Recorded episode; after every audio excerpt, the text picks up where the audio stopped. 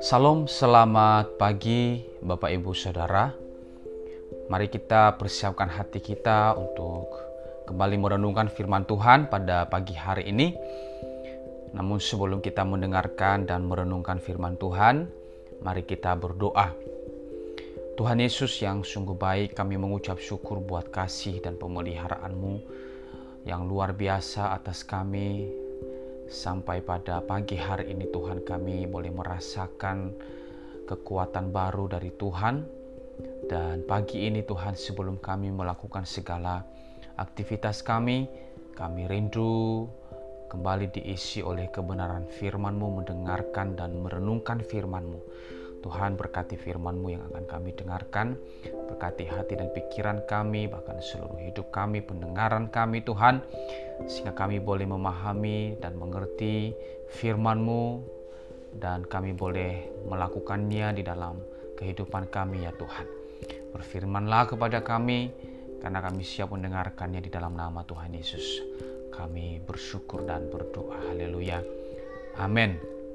Bapak Ibu Saudara yang dikasih oleh Tuhan, pada pagi hari ini kita kembali bersama-sama merenungkan firman Tuhan dan renungan firman Tuhan yang akan saya sampaikan pada pagi hari ini masih di dalam kitab Yeremia dan kita sudah tiba di dalam Yeremia pasal 14. Dalam pasal 14 ini Bapak Ibu Saudara ada terdiri dari 22 ayat dan saya tidak akan membacakan ayat ini semua kepada kita namun nanti kita akan melihat beberapa bagian di dalam ayat ini untuk kita bisa pelajari bersama-sama Bapak Ibu Saudara.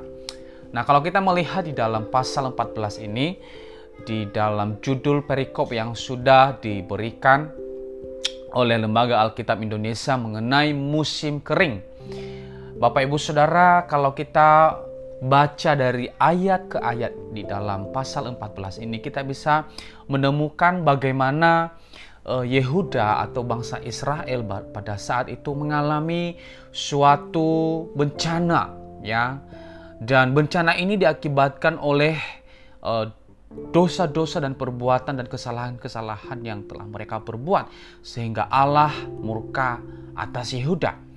Dan seperti yang kita ketahui pada saat itu adalah nabi yang sedang uh, memerintah atau yang sedang ada di tengah-tengah bangsa Israel pada saat itu adalah Nabi Yeremia.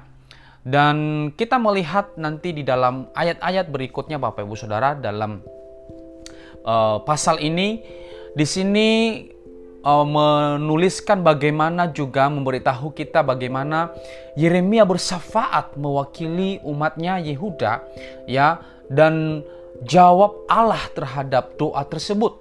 Nah, bencana kekeringan yang luar biasa terjadi dalam uh, kehidupan bangsa Israel khususnya Yehuda Bapak Ibu Saudara sangat-sangat sangat luar biasa ya. Kalau kita perhatikan di dalam ayat yang pertama ya sampai kepada ayat yang ke-6 Bapak Ibu Saudara. Di situ dijelaskan bagaimana uh, bencana itu terjadi, persoalan itu terjadi di dalam kehidupan uh, bangsa Yehuda. Kita melihat ya, kita baca di dalam ayat yang pertama sampai ayat yang keenam, firman Tuhan yang datang kepada Yeremia mengenai musim kering. Yehuda berkabung, pintu-pintu gerbangnya rebah dan dengan sedih terhantar di tanah jeritan Yerusalem naik ke atas Pembesar-pembesarnya menyuruh pelayan-pelayannya mencari air. Mereka sampai ke sumur-sumur tetapi tidak menemukan air. Sehingga mereka pulang dengan kendi-kendi kosong. Mereka malu, mukanya menjadi merah sampai mereka menyelubungi kepala mereka. Pekerjaan di ladang sudah terhenti sebab hujan tiada turun di negeri. Maka petani-petani merasa kecewa dan menyelubungi kepala mereka. Bahkan rusa betina di padang meninggalkan anaknya yang baru lahir sebab tidak ada rumput muda. Keledai-keledai hutan berdiri di atas bukit gundul, mengap-mengap seperti serigala. Matanya menjadi lesu sebab tidak ada rumput. Bapak Ibu Saudara di dalam ayat 1 dan ayat yang ke-6 ini, ini adalah fase yang pertama atau bagian yang pertama memberitahu kepada kita bagaimana penderitaan yang dialami oleh bangsa Yehuda pada saat itu atau orang Yehuda pada saat itu yaitu mengalami kekeringan ya kekeringan yang terjadi kepada mereka Bapak Ibu Saudara. Kota, tanah, pertanian, pegunungan, bahkan manusia, hewan, orang besar, rakyat jelata, semua menanggung akibat parah kekeringan tersebut, ya. Meski telah mendengar tentang ancaman kekeringan berat ini pun, Yehuda juga tetap saja mengeraskan hati mereka. Mereka tidak mau bertobat Bapak, bertobat Bapak Ibu Saudara. Nah, andaikan Yehuda mengakui dosa-dosa mereka dan memohon ampun tentu mereka akan beroleh belas, belas kasihan dari Allah. Kita tahu bahwa Allah adalah Allah yang penuh dengan belas kasihan. Tetapi karena kekerasan hati mereka, maka kejadian dan peristiwa-peristiwa itu terus menimpa mereka. Ya.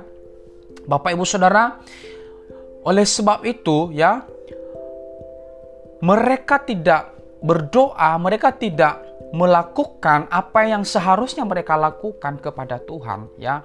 Mereka terus mengeraskan hati mereka sehingga belas kasihan Allah tidak ada di dalam kehidupan mereka ya. Oleh karena mereka tidak melakukan hal demikian Yeremia bertindak mewakili bangsanya mengakui dosa memohon ampun, bersafaat terhadap bangsa itu Bapak Ibu Saudara.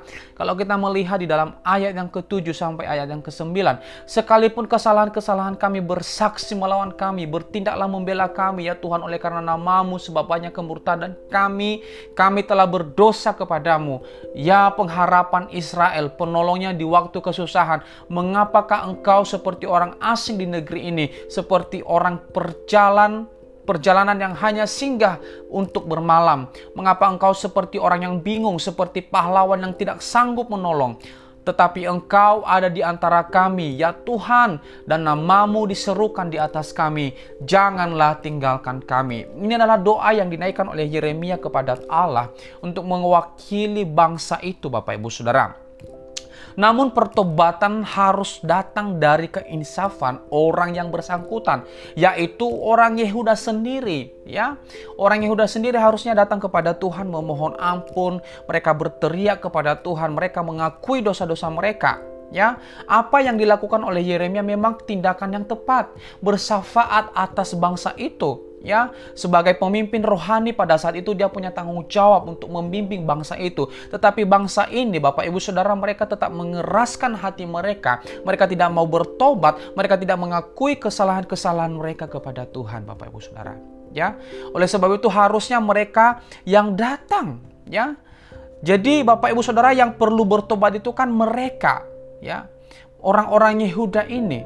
Oleh sebab itu karena itu Allah melarang Yeremia justru ya.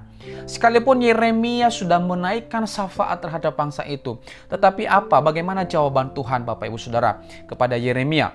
Allah melarang Yeremia mendoakan bangsa itu ya. Di ayat 11 Tuhan berfirman kepadaku, itu kata Yeremia, ya. Janganlah engkau berdoa untuk kebaikan bangsa ini. Sekalipun mereka berpuasa, aku tidak akan mendengarkan seruan mereka. Ya, sekalipun mereka mempersembahkan korban bakaran dan korban sajian, aku tidak akan berkenan kepada mereka, melainkan aku akan menghabiskan mereka dengan perang, dengan kelaparan, dan dengan penyakit sampar. Wow, Bapak Ibu Saudara kita melihat bagaimana jawaban Tuhan kepada Yeremia. Allah malah ya melarang Yeremia untuk tidak berdoa atas bangsa itu. Lalu kemudian Allah berkata, Tuhan berfirman, ya, ya.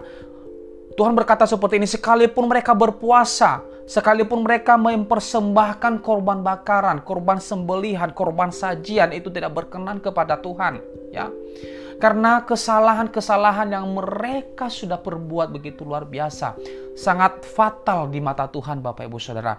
Sehingga Allah berkata kepada mereka, sekalipun engkau mempersembahkan korban lagi saya tidak perlukan itu.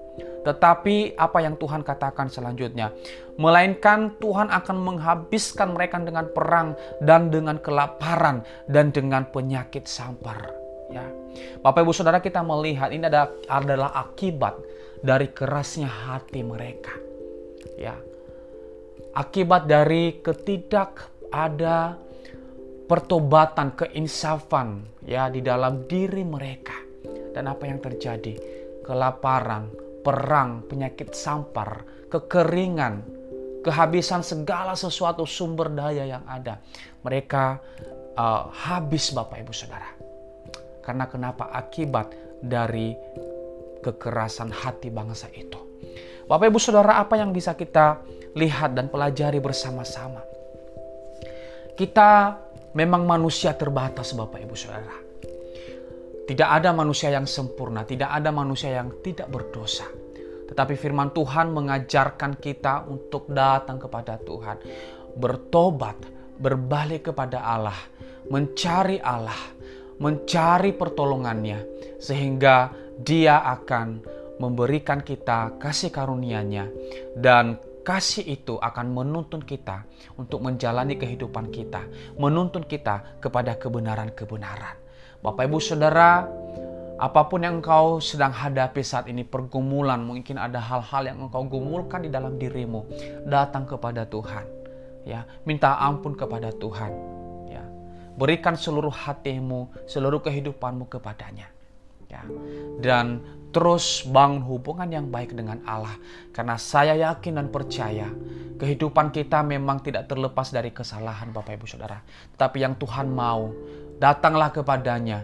Lalu kemudian bertobatlah dan jangan kembali lagi kepada kegagalan-kegagalan di masa lalu. Bapak Ibu Saudara kiranya firman Tuhan yang sudah kita dengarkan pada pagi hari ini kembali menguatkan kita dan mendorong kita untuk untuk senantiasa datang kepada Tuhan, memberikan seluruh kehidupan kita kepada Tuhan dan juga terus-menerus menyadari bahwa kita adalah manusia yang lemah, kita perlu pertolongan Tuhan, kita perlu kasih Tuhan yang terus menopang, menguatkan kehidupan kita. Kiranya Tuhan menolong kita.